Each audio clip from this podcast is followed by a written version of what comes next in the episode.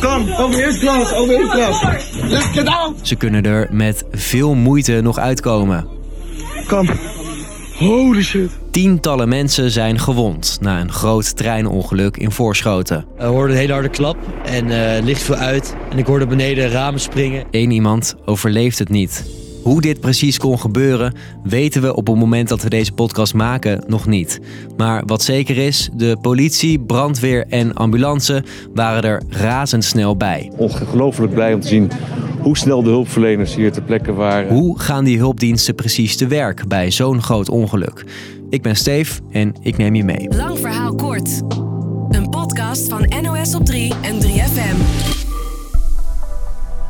Het is diep in de nacht, half vier, vlakbij station Voorschoten tussen Den Haag en Leiden. Buurtbewoners liggen te slapen totdat Ik lag te schudden in mijn bed. En je denkt, ja, droom ik nou? Wat is er nou? Waait het zo hard? nog geen minuut later, zegt deze bewoner, Weer een heel hard getoeter en weer nog veel meer schudden in ons bed. En mijn dochter die riep, ik zie een lichtflits. Ik probeerde 112 te bellen, maar dat probeerde volgens mij iedereen, dus eh, dat was bezet. Oké, de telefoon staat rood gloeiend in de alarmcentrale. Ambulance, politie, brandweer, allemaal gaan ze ter plaatse. En dan start de GRIP, de gecoördineerde regionale incidentbestrijdingsprocedure. Nou, die hele afkorting mag je gelijk vergeten. Maar wat je moet weten, een incident krijgt een getal tot en met 5. Hoe hoger het getal, hoe ingewikkelder het incident. Elke 112-melding begint bij GRIP 0. Dus het is de dagdagelijkse incidenten die op straat eh, gebeuren. Alle gemeenten in Nederland zijn onderverdeeld in veiligheidsregio's. Dat zijn regionale samenwerkingen tussen hulpdiensten en gemeenten. Wij spraken Marcel Westerdorp van veiligheidsregio Utrecht, omdat zijn collega's die over voorschoten gaan heel druk waren. Pas als het nodig, als een van de disciplines het nodig vindt om een eenhoofdige leiding te, te, te hebben op het incident, dan gaan we naar grip 1. En dat is wat bij dit treinongeluk vrijwel direct gebeurt. Het incident krijgt bij zo'n grip 1 situatie dus één leider die de touwtjes in handen krijgt. Dat kan iemand zijn van de politie of ambulance ter plaatse. Die krijgt advies van verschillende disciplines en daar wordt een besluit op genomen. En dat is puur eh, oh ja, om het zo efficiënt mogelijk te laten verlopen. Zo'n grip 1 is bijvoorbeeld bij een brand in een flat, waarbij de brandweer flink moet blussen en ook nog eens mensen uit hun huis moet redden. Als het incident groter blijkt dan gedacht, een giftige rookwolk trekt over een hele wijk, dan kan die leider zeggen: Van joh, we hebben nu zo'n groot effectgebied.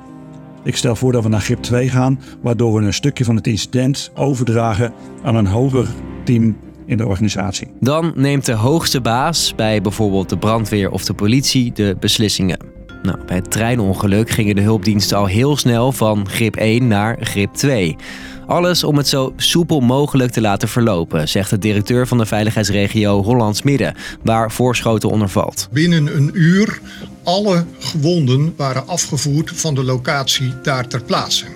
Daarvoor hebben wij 24 ambulances ter beschikking gehad en zijn de gewonden afgevoerd naar vijf verschillende ziekenhuizen. En bij grip 2 blijft het niet. Want ongeveer een uur na de eerste melding geldt grip 3. Die beslissing om op te schalen maken niet de hulpdiensten, maar dat doet de burgemeester.